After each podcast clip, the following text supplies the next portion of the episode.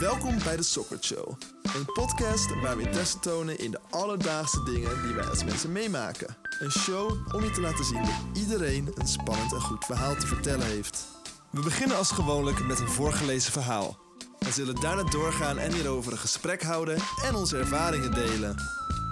Wil je meer weten over deze podcast? Ga dan naar www.sockert.com. Waar we deze vaak onbesproken ervaringen uitlichten door hierbij een sok te ontwerpen. Wat een makkelijke ijsbreker kan zijn om over deze interessante onderwerpen te praten. Laten we niet langer wachten. Hierbij een Sockert Original.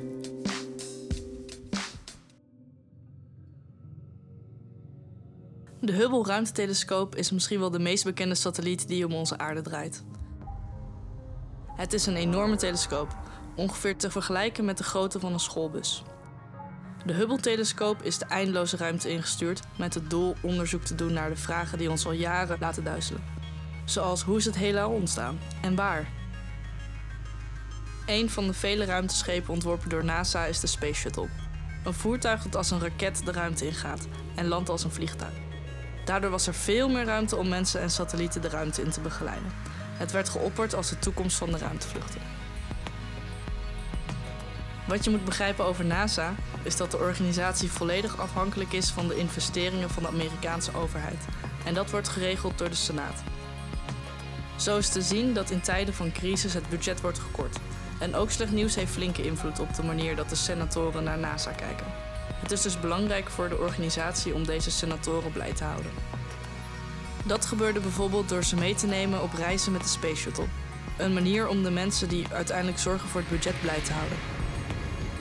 In het geval van Challenger, die onfortuinlijk explodeerde, stierven niet alleen astronauten, maar ook een docent.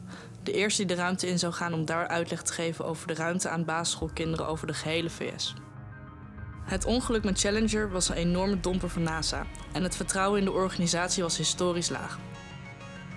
Daarom was de interesse in de Hubble-telescoop een fijne opsteker voor de organisatie. Met de Hubble kon NASA vertellen dat ze gingen kijken naar zwarte gaten en andere onbekende fenomenen in het heelal, die we niet vanuit de aarde konden waarnemen door onze atmosfeer. Met de Hubble hoopte NASA onze kennis van astronomie verder te brengen. Het project rondom Hubble werd door NASA een manier om te laten zien dat de organisatie nog moeilijke dingen kon doen, zeker na het ongeluk met Challenger. Met de Hubble wilden ze laten zien dat de Space Shuttle waardig was en dat deze ditmaal iets vervoerde dat ons antwoorden kon geven uit het heelal. Ooit, toen John F. Kennedy aankondigde dat NASA een missie naar de maan ging starten, zei hij: We kiezen om naar de maan te gaan. Niet omdat het makkelijk is, maar omdat het moeilijk is. En die gedachte wilde NASA weer uitstralen. Toen de Hubble eindelijk werd gelanceerd in 1990, na jaren vertraging door problemen met het budget en technische vertragingen, bleek het dat de spiegel, een cruciaal element, niet goed was uitgelijnd. Hoewel de beelden nog steeds beter waren dan die van de telescoop op aarde, was het toch totaal niet van het niveau wat NASA hoopte en had beloofd. 2 miljard dollar leek zo verspild te zijn aan een ander gefaald project van NASA. Het probleem bleek dat een lens 1,3 mm uit het lood lag. Gelukkig heeft dit verhaal wel een goed einde. Drie jaar later repareerde een team astronauten de Hubble. Dit zou een van de vele missies worden die zich richting de satelliet maanden. De telescoop was gered en zo ook de reputatie van NASA. De Space Shuttle bleek toch niet het platform van de toekomst te zijn. Maar door de Hubble had NASA een nieuw PR-machine in haar arsenaal en was Kennedy's droom weer waarheid.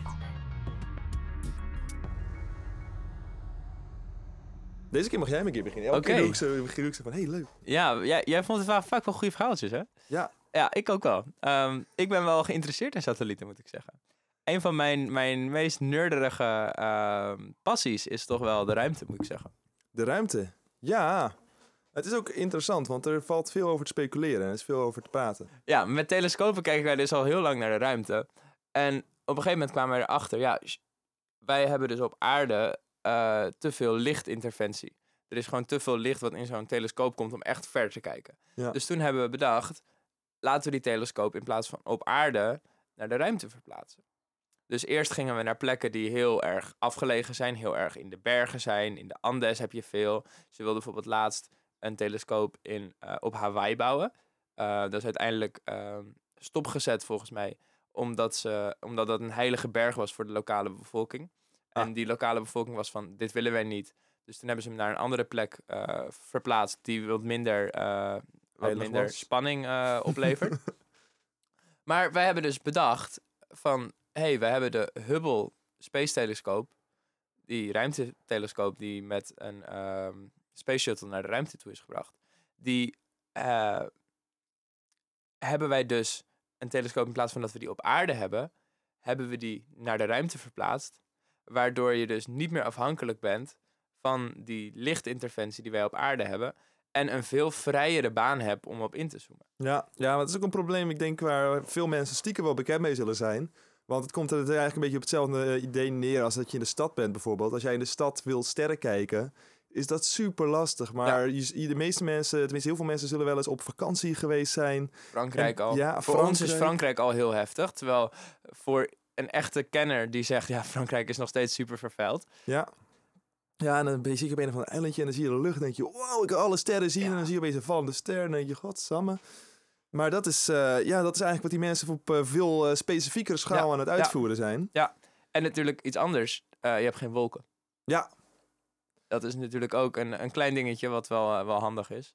Ja, maar wat ze dus toen met die Hubble hebben gedaan, is een enorm kostbaar project. Waarin ze dus de, een, een, een telescoop, zeg maar, de, de lucht, lucht in gebonjourd hadden. En ehm, daar hebben ze heel veel mee ont- ontdekkingen mee gedaan.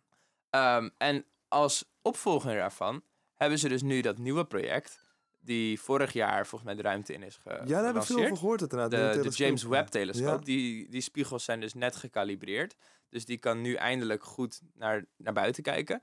En die is dus niet meer dat hij echt ehm, licht opneemt. Nou, hij neemt nog wel licht op. Maar het is niet meer een camera zoals wij een camera bedenken. Ehm, wat die doet, is ehm infraroodzignalen. Dus daarmee kan je veel meer data vergaren. En ehm, de James Webb telescoop, die is dus niet meer in een eh, die is dus in een, een baan veel verder van de aarde. Die is op een, eh voor mij noemen ze dat een Lagrange point of zo. Dus die eh, zit in een soort van zwaartekrachtloos stuk tussen de aarde en de zon. Heel, Oh, heel tussen gaaf. aarde en de maan niet dan? Ja, nee, voor mij tussen de aarde en de zon. Oké. Ehm, maar wat dat inhoudt, is dus dat hij daar eh, veel beter eh, kan gedijen. En ehm, hij moest dus heel erg opgevouwen, moest er naar naartoe. Het was een enorm project om de vijf folies die zeg maar de computer voor de zon moesten beschermen, om die uit te spreiden. Die zijn voor mij deels in Leiden eh, on- ontworpen. Ah. Ja, dat is dus echt een, een gestoord project. Maar die zou dus nooit door mensen gesurfaced kunnen worden. Dus Ja. als die verkeerd was, was het gewoon een paar miljard naar de getver. Ja, en ik hoorde ook wel dat er nog best wel wat gezeik mee was. En nog wat dingen van, oh, het Heel veel. fout. En die sensoren waren volgens mij, was er eventjes eh, paniek over dat het Ja, helemaal en, fout en, was. en hij is veel, veel jaren later dan dat hij oorspronkelijk de lucht in zou moesten gaan, de lucht in gegaan. Maar dat is nu dus goed gekomen. Gaaf. Dus dat is wel maar die gaaf. zit eigenlijk dus gewoon op een stationaire positie in, de, in de hemel. Ja, ja. Tof. Ja, dat is ook fijn, want dan hoef je dus niet eh, allemaal beweging mee te heb je rekenen ook als geen aarde volgens mij die er Ja. De aarde komt er minder snel eh, langs en zo. Ja, dus dat, dat is zeg maar het ding. Dat ehm, satellieten kunnen naar buiten kijken.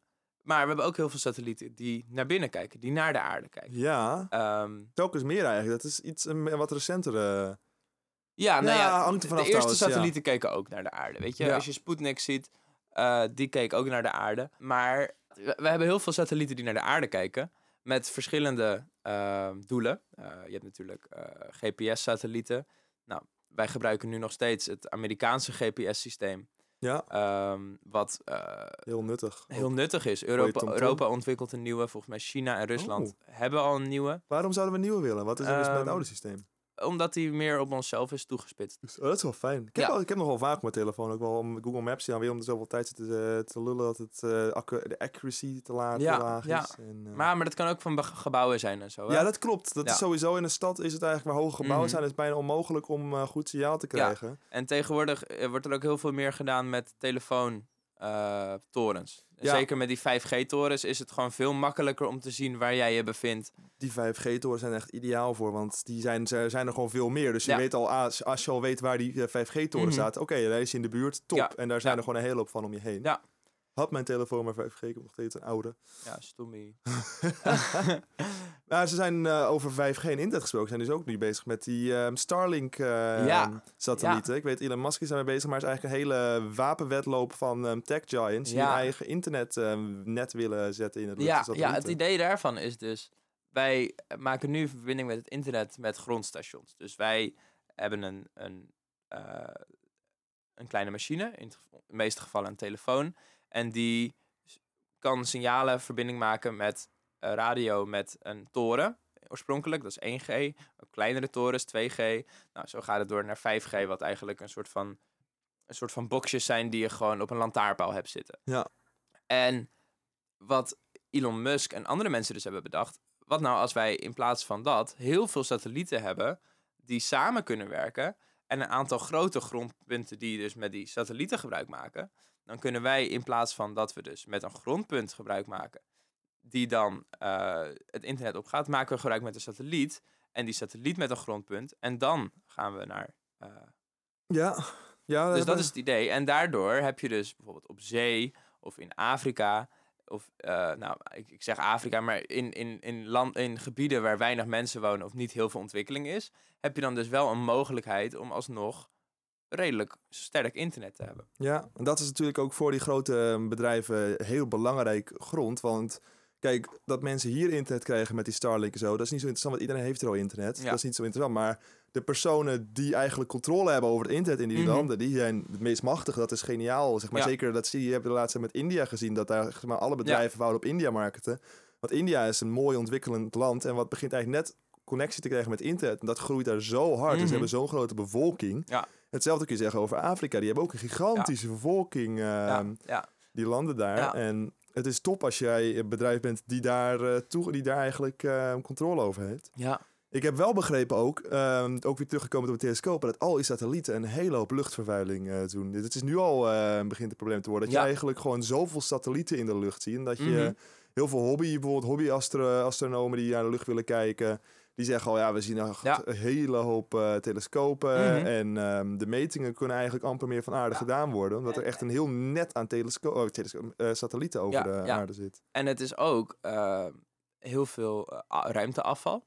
Ja. Ehm, je hebt bijvoorbeeld het ISS. ehm, het, nou, het, grote samenwerkende project waar Europa en Amerika en ja, Rusland nog wel vriendelijk samen zijn. Eh, heel mooi om te zien hoe die astronauten daar gewoon nog heel vriendelijk met elkaar zijn en echt nog samenwerken. Waar dat op de aarde niet meer gebeurt eh, Ja. na de gebeurtenissen ook.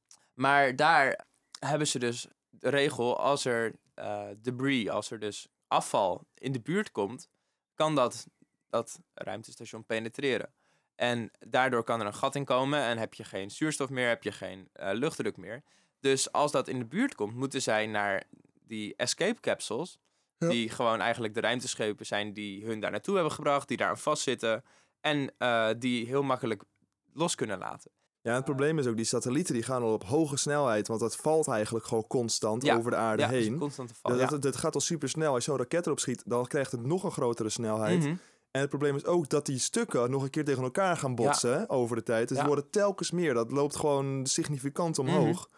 En je begint echt een hele wolk van allemaal kleine stukjes te halen. En als Ja. het één keer je raakt, dan maakt het gewoon een gat in. Maakt niet uit wat Ja. er is eigenlijk. Ja. Het gaat zo hard en snel. En hoe meer satellieten er zijn, hoe meer kans er ook is dat zij op elkaar komen. Want heel veel satellieten worden dus niet meer actief gemonitord. Ja. Of hebben geen.